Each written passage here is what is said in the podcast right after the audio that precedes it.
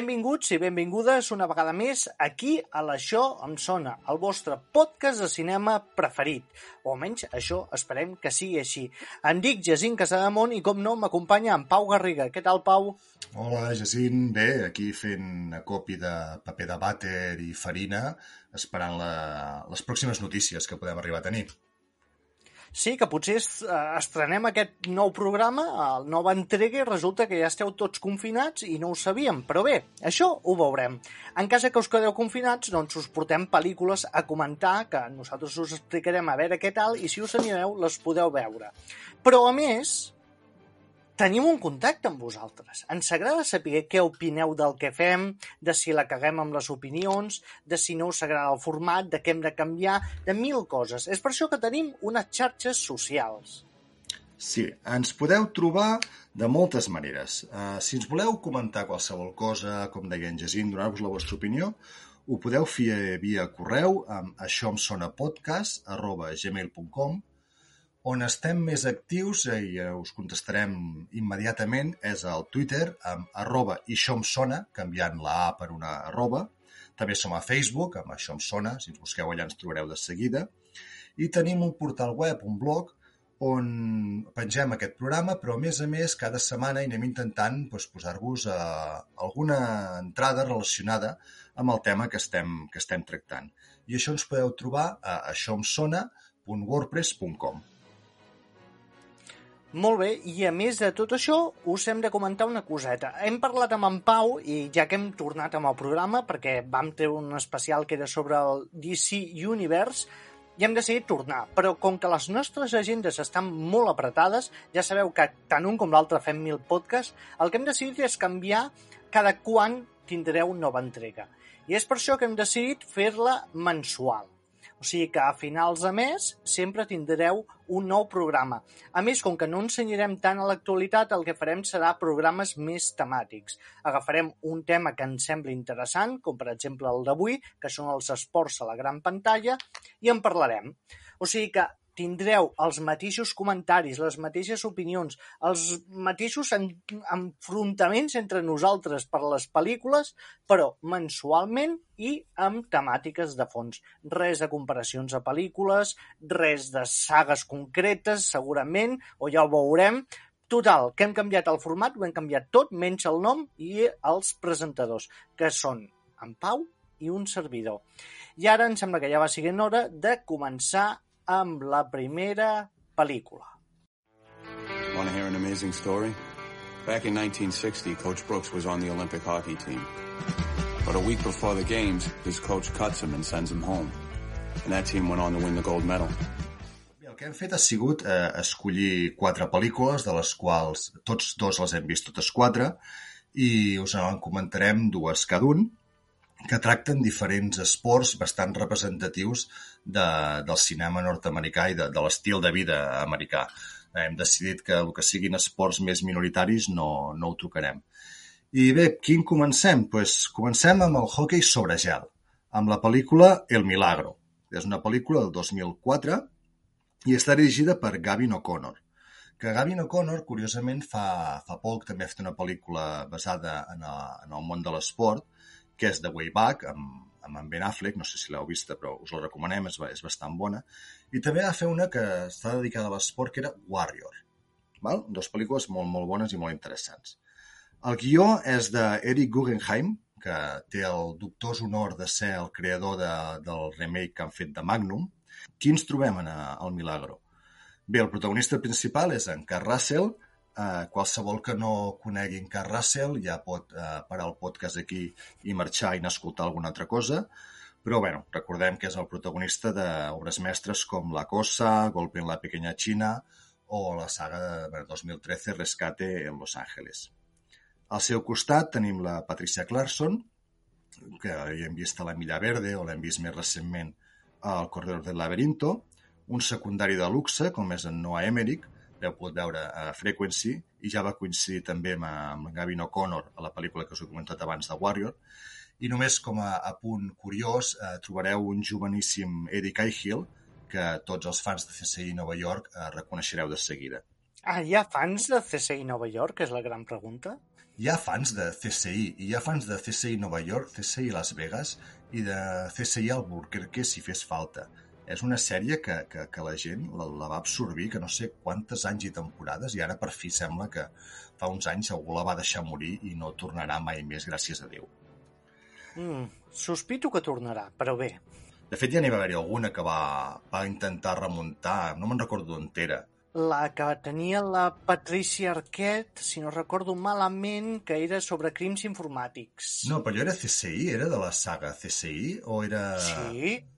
CSI, vale, pensava que no tenia ni les sigles. No, jo em referia a un altre, um, que de fet en Cahill li va sortir-hi com a secundari en un parell de capítols, però que, que no va durar gaire. Però bueno, és igual, no, no dedicarem un temps a CSI i ja us adverteixo que no li dedicarem cap especial tampoc. Bé, de, de què va el Milagro? El Milagro parla d'uns fets reals que són uh, les Olimpiades del 1980, on la selecció americana d'hoquei gel va guanyar contra tot pronòstic l'or i a més a més va ser capaç de, de batre la, la forta selecció russa que en aquell moment era la, la millor de, del món. Val? I com ho va fer-ho? Doncs eh, van decidir contractar un entrenador, en Herb Brooks, que, que era un entrenador poc conegut, amb uns mètodes bastant especials, i que el que va fer ell va ser crear un equip, el hockey sobre gel als Estats Units, com passa amb, amb molts esports eh, universitaris, hi ha una gran eh, rivalitat entre universitats i entre clubs. I en aquell moment ens trobàvem que els esports col·lectius, quan era, com era una selecció, eh, la gent el que feia era jugar per destacar ell i per, eh, bé, per, per portar la fama o portar el nom a la, a la seva universitat. I en Brooks el que planteja és que en allà estan lluitant per defensar Estats Units, ni la universitat d'un ni la universitat de l'altre. Uh, per què hem escollit uh, aquesta pel·lícula? Bé, uh, deixant de banda de perquè és una molt bona pel·lícula, uh, mi em va agradar molt, si, si la veieu, és una pel·lícula que aconsegueix mantenir l'atenció, té, té uns personatges molt, molt potents, unes escenes molt fortes, i és una pel·lícula que va increixent a mesura que va, que va passant. És una pel·lícula que demostra la cultura de l'esforç en l'esport. I, I aquí es demostra que personalitats diferents, que, que xoquen, que venen d'altres rivalitats, treballant en conjunt aconsegueixen la meta que segurament treballant de manera individual no, no haurien aconseguit. Què cal destacar de la pel·lícula? Bé, deixem clar de principi que és una pel·lícula bastant eh, patriòtica, perquè només els primers minuts de, de la pel·lícula ja es veu que s'estan situant en el context polític intentant mostrar una, uns Estats Units eh, forts, uns Estats Units on els, eh, els hitos eh, històrics eh, tenen molta rellevància, però després una cosa bona que fa és que tot aquest patriotisme eh, l'explica amb la pel·lícula, amb, amb la història, amb els personatges. No ens l'omple de, de banderetes o d'himnes americans.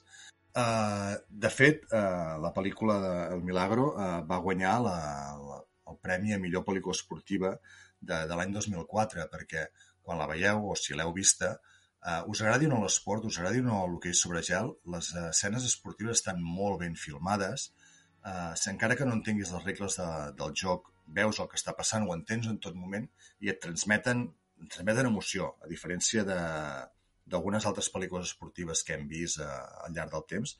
Aquesta, per mi, retrata molt bé el que és la sensació de, de viure un partit i d'estar patint per, per al resultat d'aquest partit.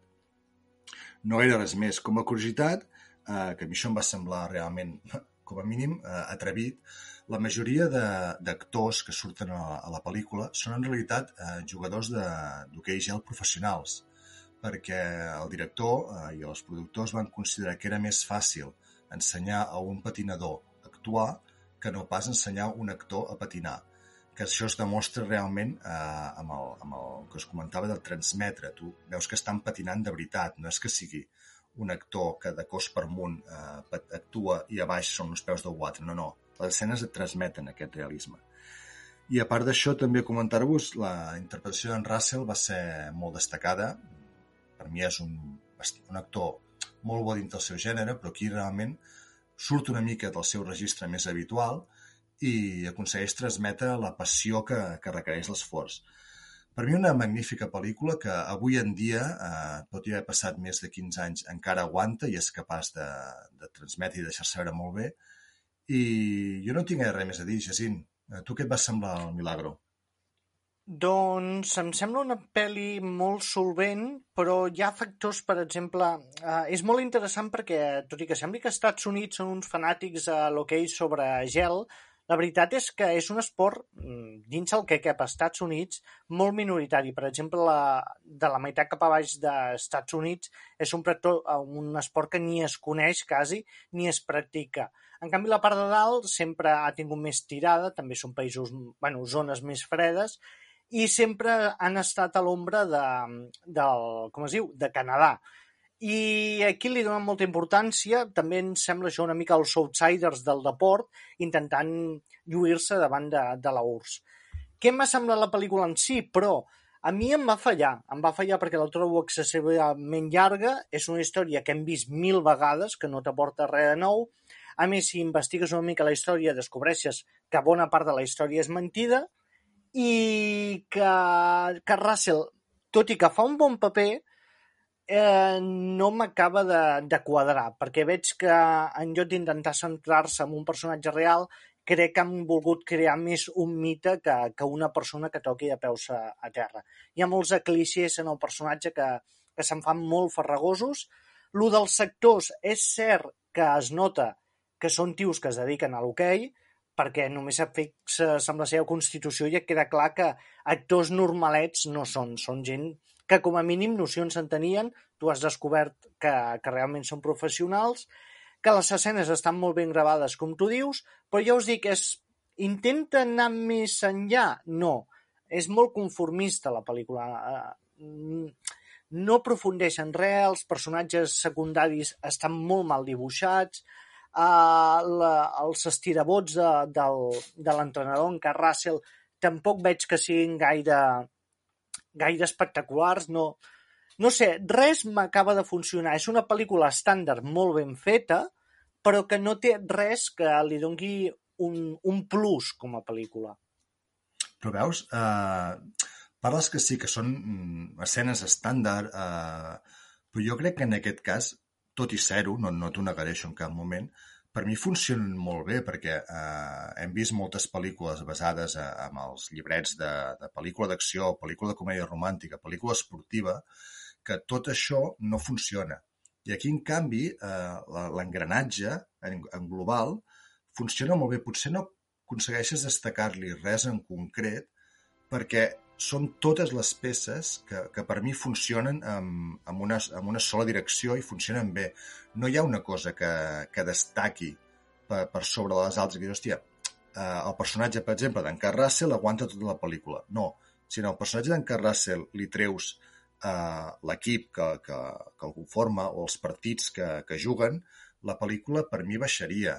I a l'inversa el mateix. Eh, si les escenes d'aquestes de... Per exemple, a mi l'escena de la Curs Navet eh, després del partit, eh, hòstia, et posa en una tensió i és només tot el fet. O sigui, eh, que Russell, el paper que va fent eh, l'Emerick, eh, donant-li una mica... intentant posar una mica de seny, la, els jugadors, que veus que realment són, són el que dius, patinen i patinen bé, i tot aquest conjunt fa que, que la pel·lícula a mi em funcioni, em funcioni molt i, i hòstia, vaig passar, a mi no se'm va fer gens llarga, vaig estar-la enganxat a la, a la pantalla eh, tota l'estona dient, val, mm, tot el que m'està explicant m'interessa, m'ho està explicant bé. És cert que eh, si surts de l'equip, és a dir, si surts dels personatges principals, la resta de pel·lícula no, no s'explica res, si veiem una miqueta l'entrenador rus, veiem una miqueta el comitè eh, olímpic americà que, que al principi els hi posa traves, però són personatges de reforç una miqueta, que estan apartats, per tant estan més desdibuixats. Però crec que en general eh, funciona i fu funciona molt bé.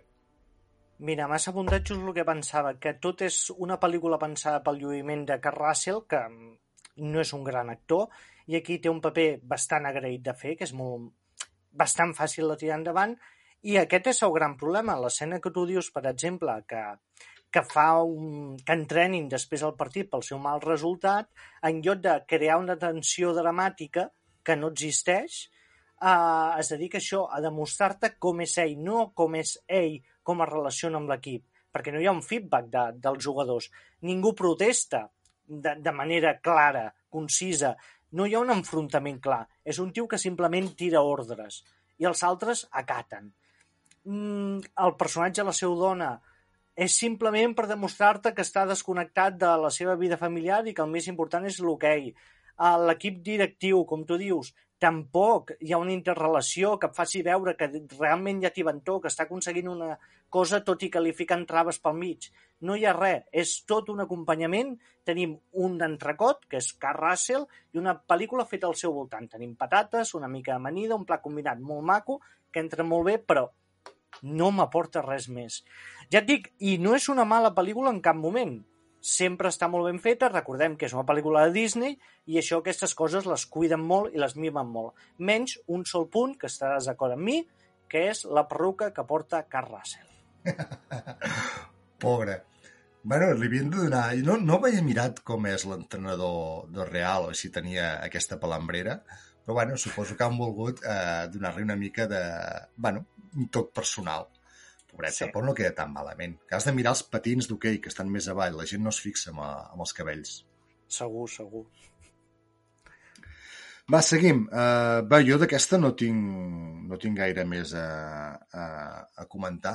Tinguent en compte això que mm, no acabem de coincidir perquè jo crec que tot el que tu li trobes com a, com a defecte uh, a mi em serveix perquè la pel·lícula així es centra uh, en parlar d'un tema en concret que de fet ara quan una de les altres pel·lícules que, eh, que, que tractarem per mi el problema que té és que toca masses pals i no s'acaba centrant eh, en, cap en cap.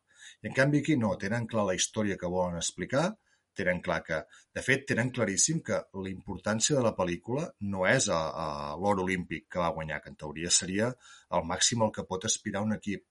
Uh, L'objectiu de la pel·lícula és guanyar la selecció russa, perquè si, si te'n recordes, dediquen potser els últims 20 minuts de pel·lícula a, a l'enfrontament contra Rússia, i la, que és la semifinal.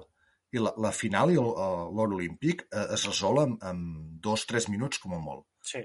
Sí, tant, sí, sí, amb una imatge congelada, em sembla que és. Sí, és que acaba allò, acaba el partit, que ho celebren com si haguessin guanyat, que jo pensava en algun moment t'has perdut i estan jugant la final, però no, no, allò, allò és la semifinal i de cop i volta eh, te, diuen, t'informen de que al final van guanyar contra, ja no me'n recordo quin equip, imagina't la rellevància que li donen, i que van guanyar l'Olímpic i ja anem a crèdits. I dius, hòstia, mmm, que era més... O sigui, l'important d'aquesta era demostrar que, que Estats Units guanya Rússia, no que Estats Units guanya eh, l'or olímpic. Per això el tema patriòtic, però bueno, li acabes comprant per això, perquè a mi el que em cansa molt d'aquestes pel·lícules americanes patriòtiques és el fet de, de grans banderes eh, i totalment innecessàries eh, de fondo. Aquí no hi és.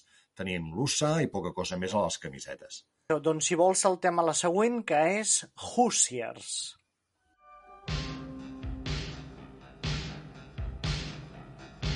These six individuals have made a choice to work, a choice to sacrifice put themselves on the line, represent you, this high school. This is your team.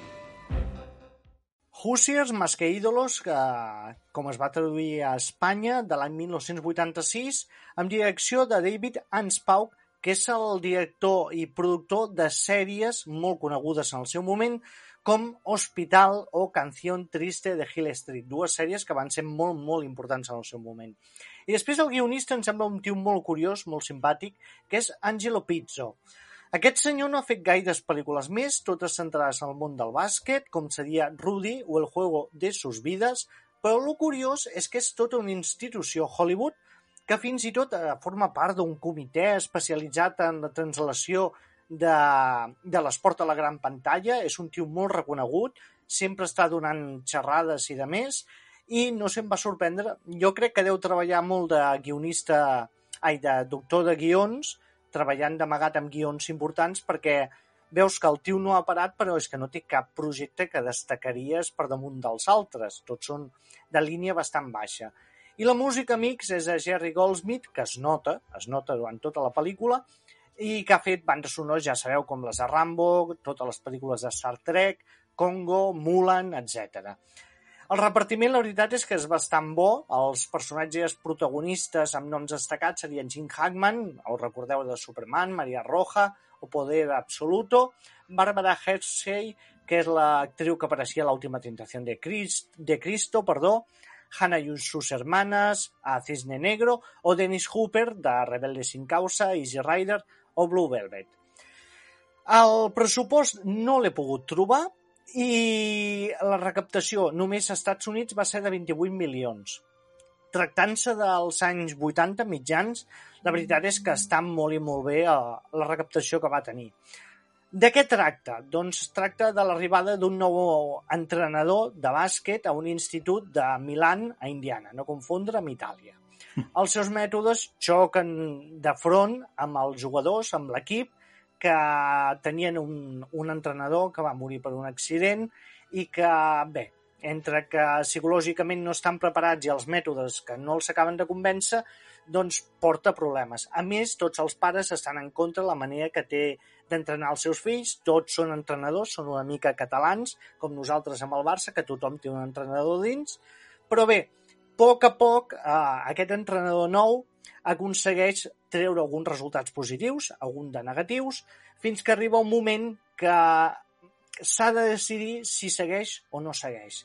Què fa que segueixi? Doncs l'aparició d'un exjugador de l'equip que va quedar, quedar molt traumatitzat per la mort de l'anterior entrenador i que accepta tornar a l'equip sempre i quan aquest entrenador segueixi. Total, que veiem la Lliga, no paren de, de guanyar tots els partits i acaba el campionat siguent guanyat per ells. O sigui, una història típica i tòpica d'aquests casos. Premis. Va estar nominat als Oscars per la banda sonora de Jerry Goldsmith i per la interpretació de Dennis Hooper, que fa el paper de, de, problema, de personatge amb problemes amb l'alcohol, que té un fill dins de l'equip, que se n'avergonyeix d'ell, i l'entrenador l'intenta portar pel bon camí. Si mireu la pel·lícula ho descobrireu, tampoc és res que sigui su, su, sorpresiu, o sigui que no, no us espatllo pas la pel·lícula. Uh, què vull destacar? Que les escenes, no sé si a tu va passar el mateix, però crec que no tenen continuïtat. Hi ha moltes trames que apareixen que no porten en lloc, personatges que no porten en lloc, i t'apareix una barbacoa de cop i volta del no-res, que no saps què t'intenten explicar, amb diàlegs una mica forçats, i que em dóna la sensació que hi deu haver-hi molt material però el van tenir que retallar. I això va portar un muntatge una mica precipitat que no m'acaba de funcionar.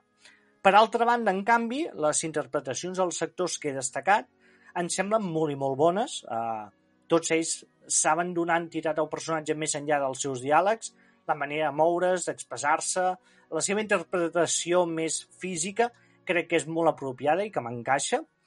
I, en canvi, la resta de personatges eh, crec que no acaben de tenir una personalitat.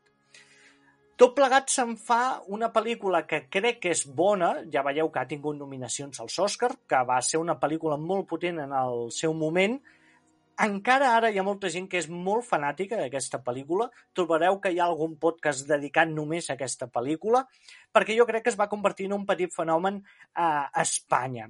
També va coincidir que el moment que el bàsquet es va començar a popularitzar aquí, i jo crec que això va afavorir bastant.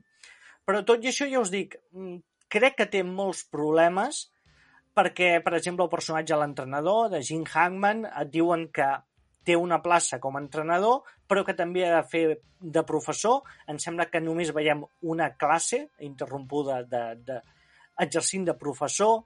Uh, la relació que té amb la noia, la Hershey, no m'acaba de funcionar perquè no saps on te porta, en absolut. I el personatge de, de Dennis Hooper, per exemple, quan s'està reconvertint, de cop i volta cau el personatge, ja no el veus més fins al tall final que és això, no hi ha un fil conductor fort, poderós, que sigui el que t'arrastra durant la pel·lícula. Ah, la fotografia és magnífica, els sectors secundaris, tot i que dic que no acaben d'estar definits els seus personatges, crec que ho fan bastant bé. O sigui que és una pel·lícula que, que no sé, aquí sí que realment tinc un xoc. Hi ha coses que m'agraden molt i hi ha coses que no m'acaben de funcionar, que solen ser més coses tècniques que, que no pas artístiques. Tu, Pau, què en penses? Jo, en, en línies generals, eh, coincideixo molt eh, amb tu.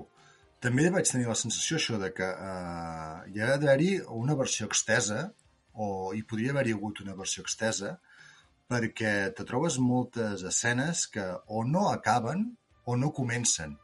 Uh, sí. L'escena mateixa que has comentat d'en Dennis Hopper que, que té la recaiguda uh, és, és molt precipitada. No, no, no, no veus en cap moment que, que pugui tenir aquesta recaiguda o veus quan té la recaiguda. De cop passa d'estar bé a l'equip i, i començar com a estar recuperat i, i fins i tot uh, en sintonia amb el seu fill, a de cop i volta uh, està totalment borratxo. Dius, hòstia, per què? O sigui, no l'ha pogut la pressió, perquè de fet la pressió ja l'ha superada. Per què torna a mm. Uh, la relació amorosa, uh, a mi ho sento, però que no, no em cola ni... Bueno, no, no hi ha manera que me la puguin passar. Començant per la, la diferència d'edat. O sigui, l'he trobat uh, o sigui, exageradíssima. Ara ens queixem sí. molt de que fiquen actro, actrius joves amb, amb actors masculins de més edat però és que aquí la diferència d'edat ben bé podria ser de, de, de 20-25 anys entre el personatge d'en Jim Hackman i, i el personatge femení. N'estàs no, segur? A la vida real es porten 18 anys. Uh, hi ha un moment de la pel·lícula que en Jim Hackman, uh, o ella li diu uh, que ha arribat a la cinquantena, perquè ell se'l veu granadet. I ella uh, diu que acaba de tornar al poble després de fer uh, universitat i, i un doctorat. Posem que anés a la Universitat dels 18, posa-hi eh, 4 anys de carrera, més un parell o 3 anys de doctorat i un parell d'anys fent el dropo per on te sigui. Mm, per tant, jo li, en ella li poso uns 30 anys. I, i que també és una relació molt, molt precipitada. Vull dir, sí. i molt, molt forçada. No, no, no veig on te m'acaba de portar. I quan feies el, eh, el resum de la, de la pel·lícula, he recordat això de, de, del jugador estrella que, que bueno, l'antic entrenador té la, es mor, té l'accident, ell queda molt traumatitzat, cosa que tampoc s'explora gaire bé, o sigui, t'ho expliquen i, i allà es queda, uh, i penses, bueno, doncs ara el que farà serà que l'entrenador, el personatge de Hackman, l'agafarà ell com a, com a figura paterna i començarà una relació que, que acabarà portant a, bé, que el noi pues, superi aquest trauma. I veus que això no, no és així i a part, quan el noi decideix dir, vale, pues, uh, si ell marxa jo no hi tornaré a jugar, però si ell es queda entrenant jo sí que jugaré, després això de cop i volta com, com desapareix de, de la història. L'equip passa a ser bo, però per un sol noi. O sigui, no el veus a ell que es tira de l'equip, sinó que veus que de cop i volta tot l'equip funciona. No sé, la veig com desconexa, com dir, hòstia, hem de, hem de fer un, dues hores de metratge, no ens podem passar, tenim tres hores i mitja gravades, anem tallant perquè la pel·lícula tingui coherència o, com a mínim, eh, pugui explicar una cosa. De fet, eh, quan parla, estàvem parlant de, del Milagro, que et deia que una de les seves virtuts és centrar-se en una història i no dispersar-se, la que jo et referia era Hoosiers, que per mi et vol explicar moltes coses i, i, i, i no te n'acaba explicant cap a, a fondo. Sí, sí, sí, estic bastant d'acord amb tu. El que tinc la sensació és que per tenir més reconeixement a aquesta pel·lícula el que van fer va ser mm, una mica intentar trencar tòpics. O sigui, perquè tot el que t'esperes és el que no passa. Esperes una història d'amor, no acaba siguent. Esperes que el pare alcoholitzat es reformi i acaba reformat. Tampoc passa esperes la relació aquesta paternofilial entre el jugador i l'entrenador. Tampoc passa. Tot el que esperes que passi no passa. És més, quan comença el primer tram de la pel·lícula, és això. Tu penses, arribarà aquest entrenador, el primer partit tindrà un mal resultat i després ja anirà tot cap amunt. Doncs és just el contrari. Comença guanyant i després comença a treure mals resultats. No sé, sembla tot fet expressament per trencar tòpics i tenir més prestigi. A més, he de dir que buscant informació sobre la pel·lícula, moltes de les coses que s'expliquen a la pel·lícula són falses. Totes les pel·lícules que us portem avui basades en fets reals, amics, són falses. Tots els equips que veieu que guanyen per l'últim segon un partit és fals. Normalment tots van guanyar per molt. Però això és doncs, una mica més d'emoció. Cosa que també eh, a mi em va passar amb aquesta. En cap moment vaig... O sigui, les escenes de bàsquet jo les vaig trobar molt mal rodades. En cap moment vaig tenir sensació de, de tensió, eh, d'allò, oh, va, que a l'últim minut han de... Bueno, sé que estan marcant l'últim segon perquè hi ha un moment on te m'ensenyen, però a diferència de, del Milagro, on te, cada partit era tens, eh, eh, veies, veies la força de l'esport, aquí mm, sí, hi ha la música d'en Jerry Goldsmith, que, que és molt bona, això no, no ho negarem, però la música et mata la, la resta de, de, de, de l'atenció que t'aporta l'esport. Per exemple, hi ha l'escena aquella, quan juguen en un camp de bàsquet, bueno, en un camp, en un estadi, perdó, molt petit, molt, molt agobiant, i no transmet aquest, aquesta sensació d'agobi o d'ansietat. El que és l'edició o el muntatge de la pel·lícula, per mi es queda molt coix i es carrega gran part de la història. Sí, estaríem d'acord. Aquesta em sembla que estem bastant d'acord, que això, que veiem que és una pel·lícula amb molt de potencial, però que alguna cosa que sospirem que deu ser un muntatge i fins i tot potser una mica de precipitació en el guió, crec jo, que s'acaba esveint. No hi ha una idea força que sigui conductora. Perquè fins i tot el personatge Jim Hackman, de tots els entrenadors que veurem avui, potser és el que té menys carisma. Sí, de, bueno, sí, sí, sí. N'hi ha un altre que té una miqueta més de personalitat, però per la que la té sí. tampoc no... I per cert, jo ja. només un petit apunt. Uh, a mi em convides una barbacoa i em poses a pelar canyes i creu-me que no torno a venir, eh? Bé, és que no sé si ho he dit, però la pel·lícula sí, està ambientada a Indiana. Indiana, per qui no es faci una idea, és eh, el Baix Empordà dels Estats Units. I ara és el moment de canviar d'esport, canviar de pel·lícula, i no sé què ens portes, Pau.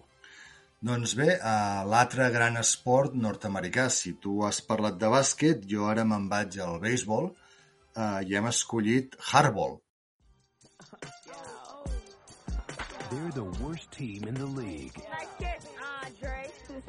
in the worst neighborhood in the city. Wow. Nah, millimeters. But they're about to get some help from the last person. Go home! They ever expected. Dirigida per Brian Robbins, que és un actor-director de petites produccions, eh, no, ha fet gaire, no havia fet gaire res destacable eh, abans de Hardball, i després, no sé si es considera destacable o no, que va dirigir Norbit i The Perfect Score. I no sé si això jo ho posaria en el meu currículum o no. El guió que hi ha, hi ha John Gattins, que també és actor guionista, sembla que ni director ni guionista en aquesta pel·lícula acaben de saber ben bé què volen ser, i que té el gran honor de ser el guionista de la última adaptació de Power Rangers. Per a la seva defensa també és guionista de El Vuelo amb Denzel Washington o de Zero Puro amb en Hugh Jackman. Val?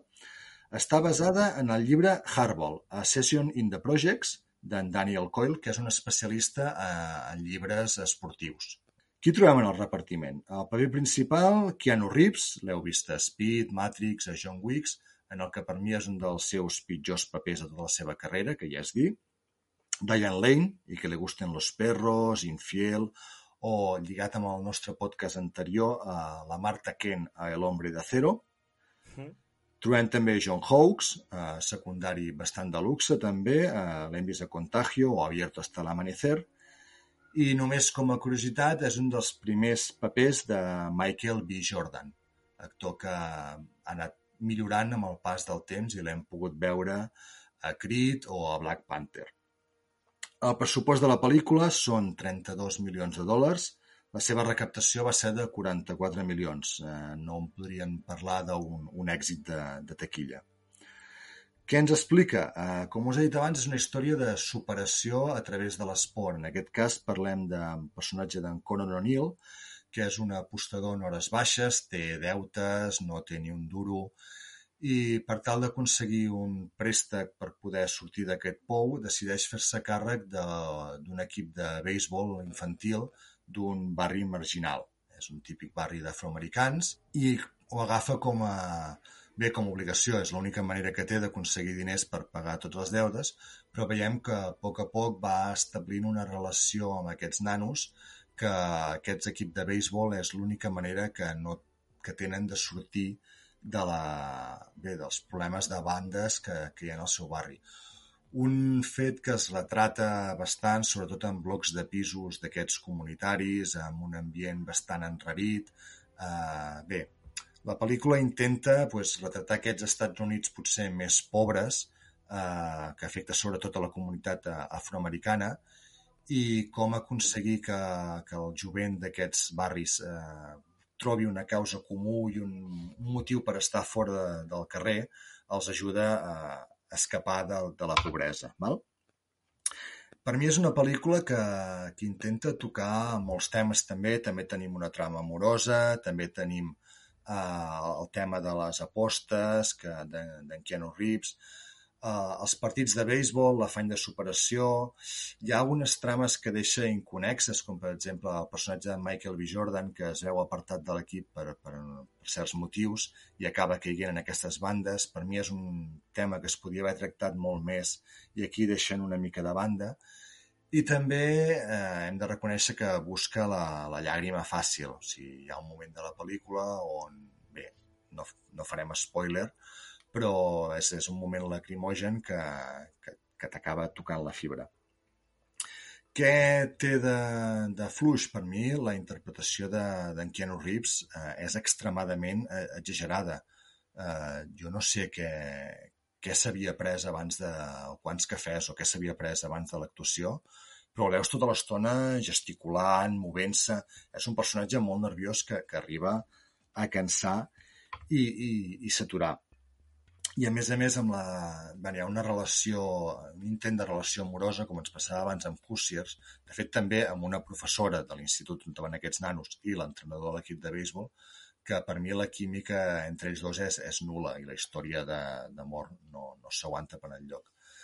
Per mi una pel·lícula fluixa, mm, que no arriba a les dues hores i es fa bastant llarga, i que la veus amb un intent d'explicar un, bé una història potser vista moltes vegades i que aquí, eh, a diferència de, del Milagro, on és el que dèiem, repeteix clichés, aquí el cliché no acaba de funcionar, sinó que fa que la pel·lícula, bé, sigui, sigui fluixeta en general. Bé, uh, què he de dir? A veure, jo quan vaig veure la pel·lícula tenia certs records de la pel·lícula perquè sé que la vaig veure en el seu moment, tot i que no recordava el gir argumental que tu, diu, que tu dius a la llàgrima i em va agafar d'imprevist i va ser what the fuck estic veient? Perquè tu comences mirant la pel·lícula i, i ben, et ve al cap la pel·lícula de Somos los Mejores de, mm -hmm, de l'Esteve però uh, no sé, és, és, és com si fos una versió realista o intent de ser realista d'aquella. Em funciona. Em funciona més per nostàlgia, perquè aquesta pel·lícula és molt, molt 2000s. Per què dic això? Perquè el retrat que fa de la comunitat negra, la música que utilitzen i tot això és molt d'autor d'aquella època, la manera en què està gravat, tot, la manera de vestir, és molt 2000s. I això m'agrada molt, perquè tot just ara comencem a veure els tics que tenia aquella dècada. Per altra banda, crec que devia ser un guió molt bo, però que li van demanar que, que afegís coses. Per exemple, mm, xoca molt tota la història d'un tio que està amb mil problemes pel tema postes i de cop i volta comenci a fer el mico per intentar donar el ritme al que llença la pilota que dius, mm -hmm. això no, no, no enquadra tal com has retratat el personatge per fer això. I hi ha moments que dius, hòstia, estem tratant temes molt durs i al cap d'una escena et canvia tot el registre i és una altra cosa completament diferent. Tampoc entén realment si al tio li interessa realment l'equip de béisbol, perquè sí, està allà, però és que no li diu ni una sola cosa de com han de jugar. Però una cosa que sí que no estic d'acord amb tu és que jo crec que potser és la millor interpretació que he vist mai a Keno Reeves. Hosti, en sèrio? És la primera interpretació que intenta actuar amb el cos i no se'n surt. de parlar. No se'n surt, no se'n surt, no, no hi estaria d'acord, eh? O sigui, jo me'l crec com a... Bueno, també us explico, estimats oïdors. Jo visc a Figueres, que és el més semblant que veureu al Bronx uh, aquí a Catalunya. I jo em sentia bastant identificat amb, la, amb gent que conec d'aquesta que està ficada amb apostes i merdes d'aquestes i les barriades xungues, o sigui que per mi estava situat a Figueres, no a la ciutat aquella perduda d'Amèrica.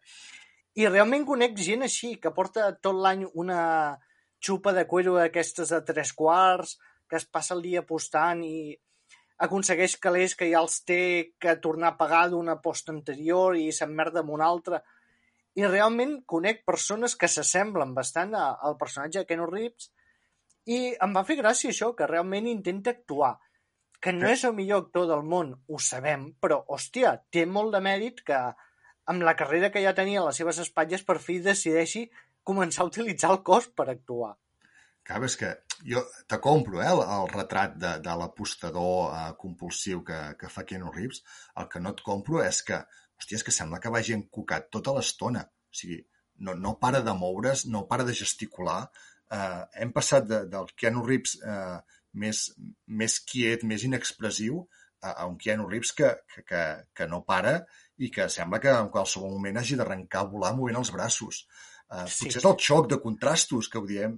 Keanu busca un, un punt mig i, i comença per allà, a poc a poc. No ens saltis de ser l'home de pedra a, a ser aquí com un blanc i blu. Però a mi em va posar molt nerviós tota la pel·lícula i això em va fer que, que no me'l creiés. Veus, jo sí que me'l crec, el que... Igual que els nens, eh? Perquè els nens realment les actuacions són molt bones. No sé si a tu t'ho va semblar. Sí, perquè els nens eh, no, fan de nens, no, no, no actuen en aquest sí. cas, crec. Crec que els hi van dir, mira, tu seràs una miqueta eh, el, el més rebel, tu seràs una miqueta el més petit i has de fer cares tristes tota l'estona, però bàsicament veniu aquí, passeu-vos-ho bé i, i jugueu a béisbol, perquè els nens és tot, tot el que fan. El, que el moment del nen que intenta actuar, que és quan hi ha eh, el gir argumental dramàtic que, que, hem, que hem dit abans, veus que bé, que d'actuar justet, justet. De fet, l'únic que destaca és eh, en Jordan, per mi, que sí que el veus una miqueta.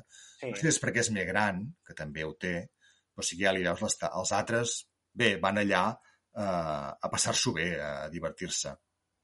Però bé, eh, és que a mi em va molar perquè realment quan es barallen entre ells eh, semblen baralles reals. Tothom que hagi estat a un casal ha pogut veure aquestes relacions que es fan entre els nens, que es diuen el nom del porc, i després al cap de dos minuts estan jugant junts. O sigui que... O sigui, admeto que la pel·lícula és dolenta, però no sé per què hi ha un component que realment em funciona. I ja et dic, jo crec que és el component més vintage, nostàlgia d'aquest 2000, de la música rap kawaii, com mola, i retratar aquests barris més marginals i amb un personatge ja de per si marginal. El personatge la professora, com tu has dit, s'obre.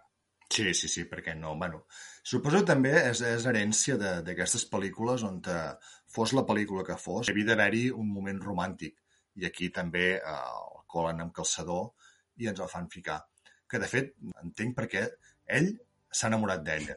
Però al revés, dius, mm, no, no, el Chico Malote aquí no cola, eh? Però bueno. No, és que tampoc és Chico Malote, és més un perdedor. És un pobre desgraciat, sí, deixem-ho així. Sí. Però hem de reconèixer que és bast... o sigui, hi ha un moment de la pel·lícula que és bastant cabró, perquè sí.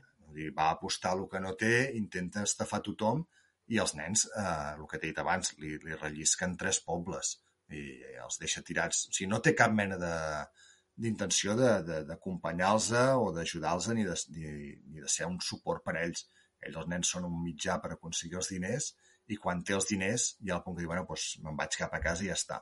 I de cop, el que dèiem, girem i dius, vale, ara m'he tornat aquí el salvador de, de la humanitat i em poso a ballar amb aquell ritme raro i aconseguir que tots, bé, que tot vagi bé. A mi no em funciona com a pel·lícula. Ni la, per nostàlgia tinc moltes altres pel·lícules per veure uh, i aquesta no, no em funciona. De fet, jo crec que és el primer cop. No la vaig arribar a veure en el seu moment i és el primer que la veia i no crec que hi torni més, eh?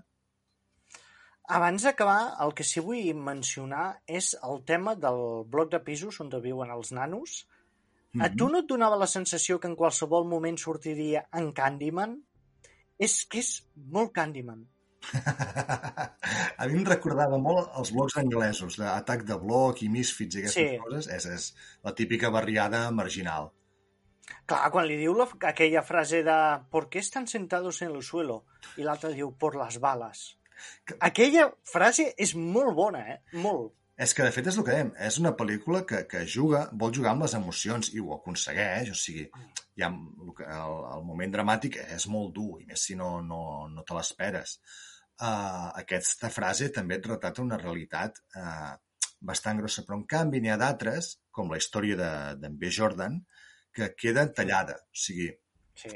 jo comptava que potser aniria una miqueta més i acabaria, no sé si tinguin una redenció el personatge o, o no, però, però sí que ens aprofundiríem una mica més en aquesta història i, i no, queda allà com un, com un afegit extra. I el tema de la barriada, per mi es podia haver explotat bastant més a l'ambient on te viuen els fills, la relació amb les mares, perquè les poques relacions amb els familiars que veiem són molt, molt neutres, molt...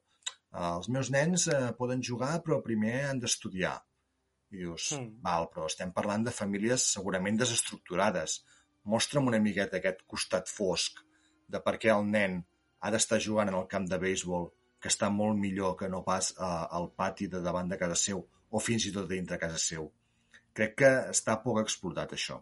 I bé, ens queda un altre gran esport americà, no?, que és eh, la teva última pel·lícula. Doncs sí, toca parlar de Titanes, Hicieron Història, o Remember the Titans, com es va dir en el seu idioma original. You smiling. Why are you smiling? Football's fun. You think football is fun? Yes, no. No? Certain, uh, it was fun. Not anymore, though, is it? Is it? No, not by now. No, it's not fun anymore. Not even a little bit. Zero fun, sir. All right. El director és Boaz King, que és uh, el productor, director, guionista, ha estat en mil produccions, com per exemple The Punisher, Abierto hasta el Amanecer 2 o Prince of Persia, i el productor, que aquí ve la mandanga a la bona, que és Jerry Bruckheimer. Qui és aquest senyor? Doncs aquest senyor és Déu a la Terra, perquè aquest senyor eh, ha produït totes les pel·lícules que t'agraden i potser ni ho saps que ho ha fet ell. Però bé, la saga Pirates del Caribe, Con Air, Pearl Harbor, totes les pel·lícules d'acció de final dels 90 i 2000 em sembla que són seves. És més, des del 2014 és productor preferent de la Disney. Què vol dir això? Que cada projecte que trigui nou, la primera opció per produir-la la té Disney. O sigui que és un tio que remena bastanta pasta. Jo durant una època de la, una època de la meva vida, totes les meves pel·lícules començaven amb el logo de l'arbre i el llamp. Sí, la carretera és... Era, va ser... és mític. Sí, sí, sí, perquè era tot, eh? Tot el que jo veia era Bruckheimer. I dius, ja està, serà bona. Sí, sí, sí, sí, era una marca... Eh, és molt 2000, això, també, eh? Tot lo de Bruckheimer. Mm -hmm. Va, crear, bueno, va renovar el cinema d'acció per mi. Va ser una aposta i a més també va apostar per això, per Pirates del Caribe, per fer tornar a portar de, mora, de moda perdó, els, el cinema familiar d'entreteniment d'aventures que s'havia una mica tocat just abans amb, amb La mòmia, de Stephen Sommers, sí. i ell ho va portar a un altre nivell creant tota una mitologia pròpia i per mi una de les millors sagues d'aventures de la història. Després, guionista, Gregory Allen Howard. Ha escrit diversos guions i quan estava preparant un biòpic sobre Muhammad Ali va descobrir aquesta història, li va semblar molt interessant, va començar a investigar i en va acabar fent el guió. Qui tenim al repartiment? Doncs dos pesos pesats, com són Denzel Washington, el recordadeu de Malcolm X, Philadelphia, Maria Roja o Will Patton d'Armageddon, 60 segundos, Copycat. Aquest en Will Patton és que apareix en moltes pel·lícules de Bruckheimer. Mm. El pressupost va ser de 30 milions de dòlars i la recaptació va ser de 137. I jo me'n recordo que aquesta pel·lícula va tenir molt, molt d'èxit, no sé si ho recordes així, Pau. Jo recordo haver-la vist i que la pel·lícula funcionava i, i que va funcionar molt bé en taquilles. I va, era d'aquelles que anaves, la senties que s'havia d'anar a veure, per dir-ho així. Sí, sí, la campanya de màrqueting va ser bastant potent, a més Denzel Washington ja estava a la cresta de la ola, projecte que tocava, projecte que era bo, i jo recordo això, que va, va tenir bastanta tirada. Potser no és un d'aquells blockbusters impressionants, però és aquelles pel·lícules que la tardor te la fiquen en cartellera i acaba senant. Bé, la pel·lícula es situa just després dels assassinats de Martin Luther King i John Fitzgerald Kennedy. Què vol dir? Que als Estats Units estava en ple temps de revoltes, i que el tema racial era una cosa que estava en ple apogeo.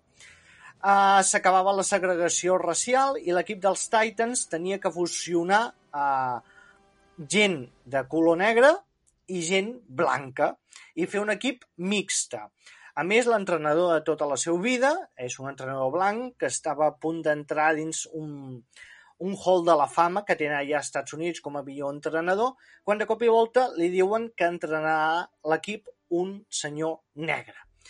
Hi ha tibantors per part de, de la societat i d'aquest entrenador mateix, però l'entrenador veu que si realment vol ajudar l'equip, el que ha de fer és donar exemple, seguir a l'equip i l'entrenador nou li ofereix ser el seu segon que s'encarrega de l'estratègia de defensa.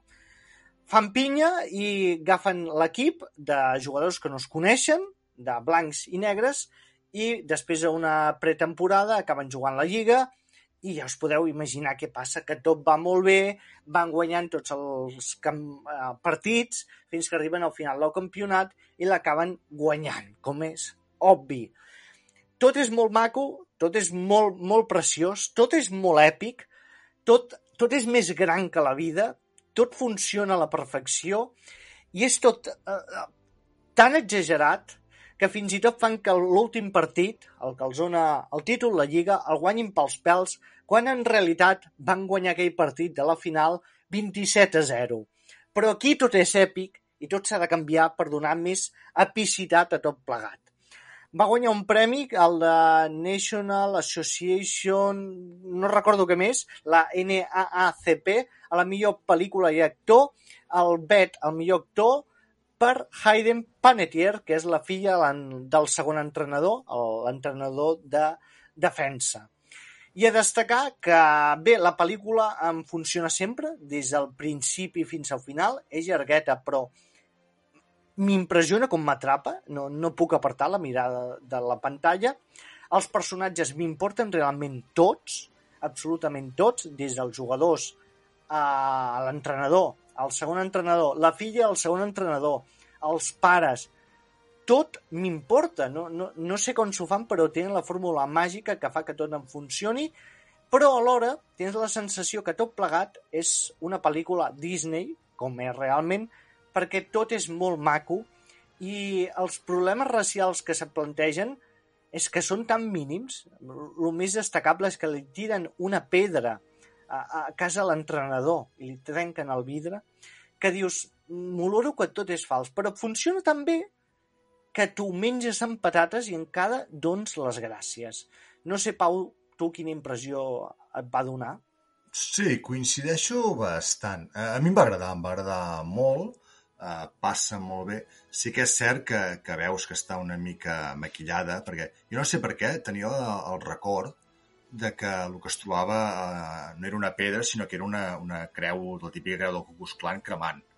Tenia aquesta sensació de, hòstia, mm, segurament li haguessin fet alguna més que, que tirar-li una, una pedra. A més, tinguent en compte que va a un barri de blancs, on, per cert, eh, molt lligat, podríem fer gairebé la història del Barça, veient que el resultat és el que compta. Perquè el paio comença a guanyar 4 o 5 partits i passa de ser eh, el negro del barrio a que arriba i tothom l'aplaudeix. Que dius, home, macos, mm. la, el tema racial us el passeu una mica, una mica pel forro. I sí que és cert que, que toca aquests temes, per exemple, hi ha un moment on els nanos joves volen anar a un bar, eh, hi ha un dels membres de l'equip que és, és californià, si no m'equivoco, on allà el tema està, bueno, està molt més, eh, més, més normalitzat, i, i ell intenta entrar a un bar amb els nois negres i l'amo del bar li diu que, que allà no poden entrar. Per tant, sí que t'intenta mostrar una miqueta aquest, eh, aquesta situació, però també és cert que estem parlant d'una pel·lícula que va, dedicada, va de, dirigida a un públic més aviat juvenil. Per tant, eh, no, sí? jo crec que sí, no crec que... Si hagués anat a un públic adult, per mi hagués sigut bastant més dur amb alguns temes. Jo crec que va dedicat a les tietes. Bé, és una altra franja, un altre target, que, que no és descartable. Però jo crec que el que intenta és conscienciar... La... Aquí utilitzen l'esport per fer conscienciació racial de, de que el que importa en realitat és la persona, no, no el color de la pell, i que la van fer pensant en això, o sigui, un públic més aviat juvenil, que pugui sentir-se identificat eh, amb aquells jugadors, amb aquelles persones, i, i que els hi entri el missatge. Per això potser també aquest blanquejament, per dir-ho així, de, de la història, que sí que tracta el tema racial, però que, bueno, el, el superem una miqueta i el toquem així de desviar. El segon entrenador mateix eh, m'agradaria veure... Sí que és, és bastant basat en una història real, eh? tornem-hi. Per tant, se suposa que tot això va passar, però jo no crec que fes el, el salt tan ràpid de, de portar-se bé amb, amb, el, amb el negre que ha vingut a treure-li el seu lloc de treball i el reconeixement que té. Sí, sí, sí, és cert. Eh, és el que diem, hi ha molt de sucre, eh, però és que jo no tinc clar tampoc eh, què ens volen explicar. La integració de, de la gent, que el que tu dius, que l'important és eh, ajuntar i que l'important és l'equip, és un retrat d'aquella època no sé què vol ser. O sigui, jo sé que és un vehicle pel lluïment de Denzel Washington, que queda claríssim, que, que el tio s'ho passa bomba amb el personatge, i la resta no entenc exactament a on te porta, però és que és tan bo que m'ho menjo. Sí, de fet, és això el que dèiem. Uh, jo no crec que sigui un retrat, perquè no, ja hi ha altres pel·lícules que han retratat la segregació. Clar, però els crèdits inicials sempre diuen que la primera escena d'una pel·lícula és uh, de què va la pel·lícula, o el to de la pel·lícula. I l'inici de la pel·lícula és això, l'evolució dels Estats Units, com ha anat canviant, si no recordo malament. Sí, però uh, un cop hem situat el context, que és aquest, el de fet de, vale, tenim, estem en un moment dels Estats Units on s'ha acabat la, la, la segregació racial i hem d'ajuntar l'institut, això ja queda eh, bé, una mica, no minimitzat, però sí que dius, vale, anem a explicar que realment les bones persones eh, accepten sense problemes eh, bueno, pues la gent d'una altra, altra raça o d'un altre color de pell.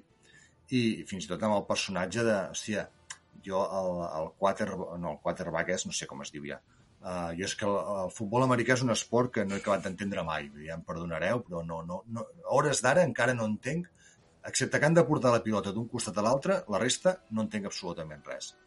Però vull dir, no crec que un nano d'institut, a més amb, amb la mare que té, que la mare deixa anar també, uh, accepti tan fàcilment també l'amistat amb un noi negre. Una, mm. Tornem-hi, és una història real i al final dels crèdits ens explica que van ser amics tota la vida.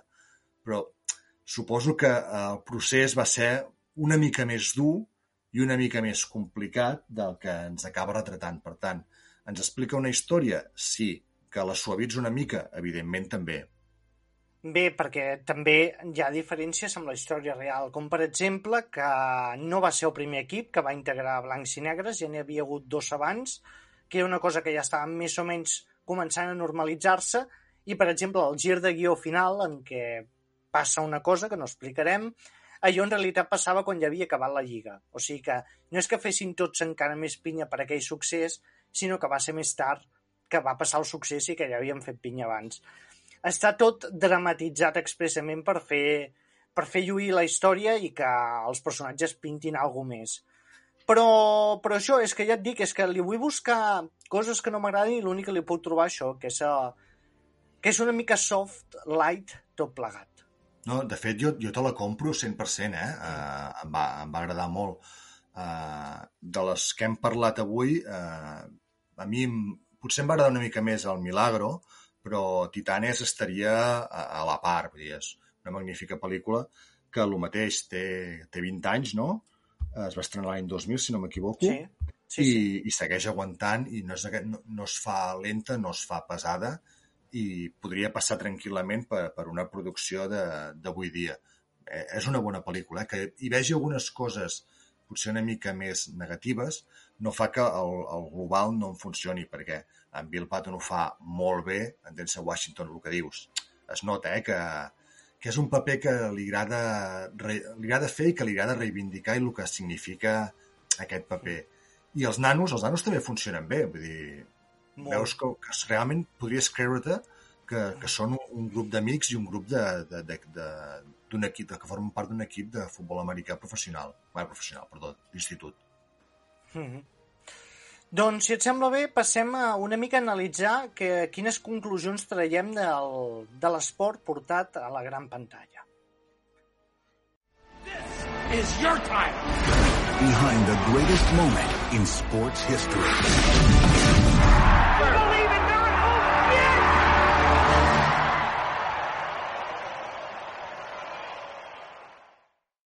Per mi, eh, Estats Units eh, explota amb tot el que pot l'esport dintre del seu cinema o, o les seves sèries. ja sigui convertint-lo en motor principal, com les pel·lícules que hem parlat, i moltes altres que podríem haver escollit, com fins i tot per, per situar-los eh, com a extra. No, no hi ha sèrie d'institut que no veiem que un dels protagonistes eh, o sigui membre de, de l'equip de bàsquet o de l'equip de futbol americà, a moltes pel·lícules que tenen lloc a, així també a zones potser més juvenil, més institut, també hi ha el, el tema d'animadores, eh, els jugadors. Per tant, ells utilitzen l'esport primer com a motor d'una pel·lícula per, per la superació, per demostrar que bons que som, i després també com a situar l'estil de vida americà, cosa que en cinema europeu o cinema espanyol, per dir-ho així, tinguent en compte lo fanàtics que som aquí, per exemple, del futbol, potser no, no s'ha sapigut eh, explotar o no s'ha portat tant, tant a pantalla. Sí, per mi és, bé, és una de les virtuts que tenen els nord-americans, que qualsevol cosa que fan saben fer-la comercial. Uh, el que tu dius em sembla bastant una cosa que jo havia pensat, que el, el cinema esportiu, les pel·lícules que fan dedicades a l'esport, uh, serveix una mica per mm, retratar el sentiment d'unió que hi ha als Estats Units enfront un, un objectiu comú. Recordem que Estats Units en realitat són dif diferents països, perquè cada estat és un país diferent, si volem pensar a la manera europea, però tots estan sota una mateixa bandera que és la nord-americana i tots se la senten seva, siguin de Texas, siguin de Washington, siguin de Boston. I a les pel·lícules es retrata molt això i una cosa que veig que, que, la, que no, potser no hi hem prestat atenció, però és que en totes les pel·lícules d'esports totes giren al voltant de l'entrenador. Allà l'equip és una eina de l'entrenador, al qual s'ha d'obeir per gilipolles que sigui o per carismàtic o poc carismàtic que sigui. O sigui que no pot funcionar una comunitat o un equip sense una figura que sigui el líder. De fet, és que uh, jo crec que als Estats Units hi ha un moment on uh, un entrenador perd la identitat de, de persona de si mateix i passa a ser l'entrenador de l'equip o l'entrenador sí. de l'institut, perquè si fixes, eh, tant a pel·lícules com a sèries, l'anomenen com a coach directament. El personatge de l'entrenador gairebé li pots treure el nom o no, no posar-n'hi perquè passa a ser el coach i passa a ser un pilar de la referència de, dels joves, sobretot en aquest cas, d'aquella comunitat Mm, en moltes pel·lis, o fins i tot en aquestes mateixes que hem vist, tant a, Hoosiers, per exemple, o Harvard, el personatge dels professors, que teòricament haurien de tenir un impacte molt gros amb la mainada i, i amb, amb, l'institut on estan vivint, aquí queden molt com a secundaris i qui agafa el rol de, de confessor, de conseller i que acompanya eh, el jovent americà eh, és el coach, és l'entrenador. El converteixen en una figura, eh, això, en un mentor per les noves generacions. I a més, si t'hi fixes, eh, les pel·lícules que hem portat, els entrenadors són entrenadors i són una figura pel seu caràcter. En cap moment perquè tinguin coneixement tècnics, perquè siguin revolucionaris en certs aspectes eh, del joc. No, no, simplement pel seu carisma són carismàtics. O sigui, no, no, els, la seva feina pura i dura no té valor, sinó que té més valor a la seva, la seva mà esquerra a l'hora de portar un equip que no passa el que aporta tècnicament. De fet, els únics que veiem entrenar, com ho podíem entendre, com entrenar, són en Carl Russell i en Denzel Washington. Uh, són els únics sí. que veiem doncs, preparant tàctiques, donant consells i, i pràcticament entrenant a l'equip perquè en Jim Hackman a Hoosiers mm, els diu quatre coses, però jo crec que allò els hi puc dir jo també, eh, sense tenir-ne sí, sí, sí. quotidià de bàsquet. I, I en Keanu Reeves, eh, és que el que deies abans, hi ha moments en què ni els hi parla, que els fa sortir allà i, i ja està. Mm, per tant, són, per això també segurament són les dues pel·lícules que, que més ens han agradat, sobretot parlant d'esports, perquè veus que el que hi ha darrere, a part d'una un, història, eh, el que sigui, de superació, una història d'integració racial, és una història on l'esport també té una força i, i una importància vital.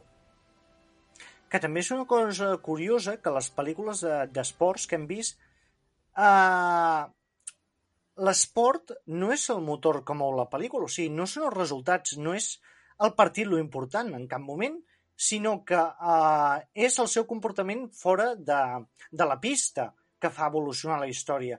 Que això sembla, sempre em crida l'atenció, o sigui, fas una pel·lícula d'esports i els minuts que veus mm, aquells nanos practicant esport, en comparació amb tant per cent de minutatge, és ben poc. I tampoc t'expliquen jugades clau, quasi bé, sinó que veus un petit gest o, o una petita cosa. L'important és el que passa fora de la pista, de, de com ho viu l'entrenador, que no pas el que passa dins de la pista. I ja us dic, la història evoluciona per les relacions que tenen entre ells. Jugaran millor com millor es portin entre ells.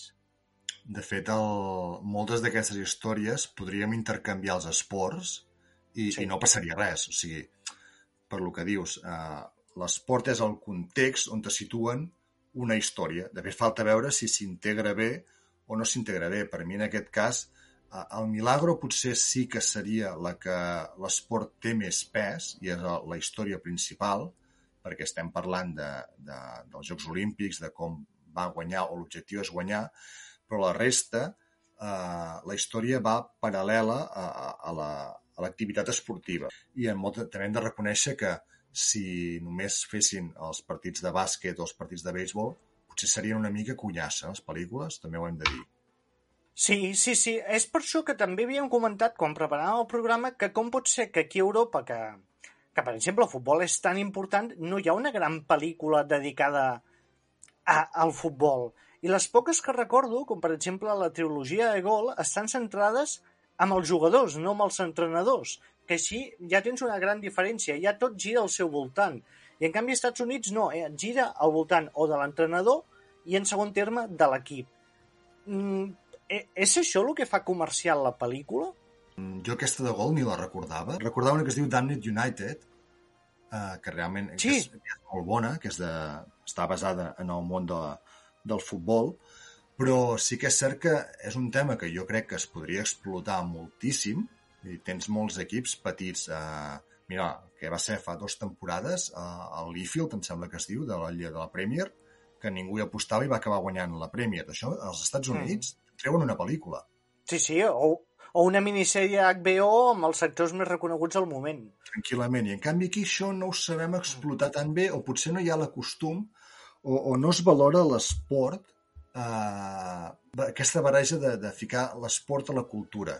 Potser tenim aquest punt eh, europeu una mica elitista de dir ai, és que una pel·lícula d'esports eh, no, no, no està al nivell del cinema que nosaltres volem fer.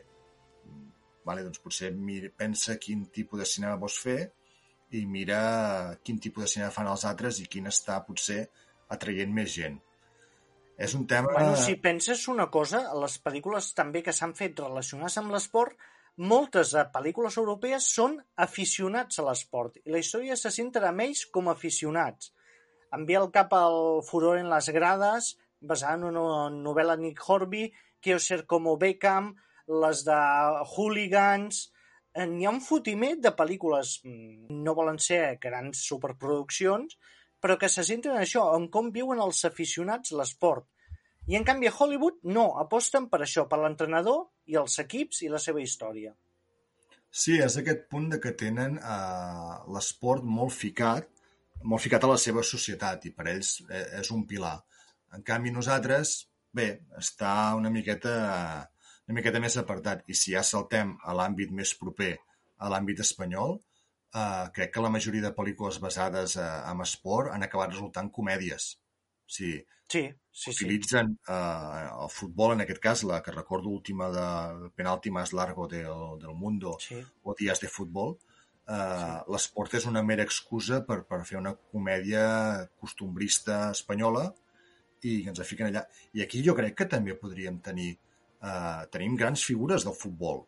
Mm, dedicar-li una pel·lícula o dedicar-li una història, hòstia, mm, a més que tinguent en compte que et portaria bastanta gent, si es fa ben feta, pot funcionar. Però hi ha aquest punt de, que, de no barrejar les coses, sembla. Però saps quina també és una gran diferència, crec jo? És que aquí a Europa tothom és fanàtic d'un equip. I no mira el futbol... Si ets fanàtic de la Barça, no mires tots els partits del Barça. En canvi, als Estats Units sí que cadascú té el seu equip preferit, però es pot tragar tots els partits d'aquell esport que li agrada. A més, recordem que hi ha Estats Units, de, si ets un bon jugador, se't rifen les universitats perquè vagis a jugar a les seves lligues universitàries i recordem que les lligues universitàries de tots els esports es retransmeten i tenen molts de seguidors, té una gran audiència i és la cantera del que després salta a les grans lligues o eh, té altres noms, eh? les grans lligues és de béisbol, però a l'NBA o a l'NFL o qualsevol altre esport. O sigui, hi ha el... no sé com explicar-ho, però tot i que som fanàtics també de l'esport, és una manera molt diferent d'entendre-ho. Forma part de les seves vides completament, però està integrat i està ben vist. Aquí o ets molt fanàtic o simplement t'agrada l'esport. que forma part de la seva cultura. La, la cultura americana té varis pilars i un d'ells és eh, eh, l'esport, eh, els seus esports. Estic segur que tu li fas mirar a un americà un, un partit de futbol i ara potser encara, però fa uns anys t'haguessin dit que, que, que això no, no val per res. En canvi, els seus esports, béisbol, NBA, futbol americà, en menys mesura també, com comentaves al principi, l'hoquei gel, eh, els senten com seus.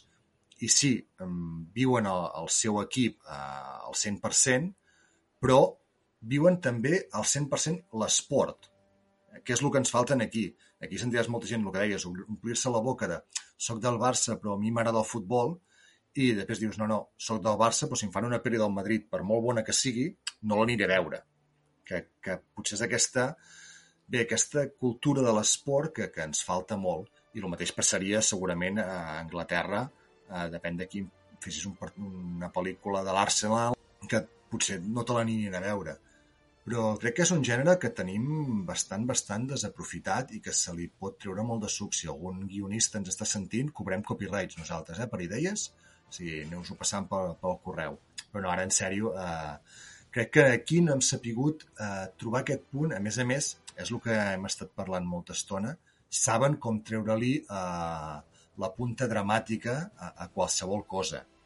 Mm, són, són especialistes en això, el cinema americà i el cinema americà eh, esportiu encara més.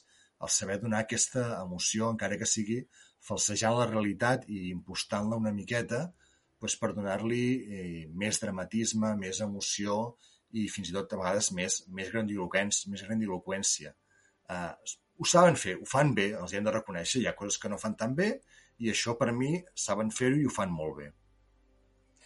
Doncs sí, com que crec que trigarem molt a arribar al nivell dels Estats Units, perquè, per exemple, aquí la pel·lícula que ho va arrasar recentment va ser Campeones, que tracta sobre el bàsquet, amb gent amb discapacitats, que seria una mica Somos los mejores, però 30 anys més tard, o sigui que potser dintre de uns 10 o 20 anys comencem a fer pel·lícules com Titanes.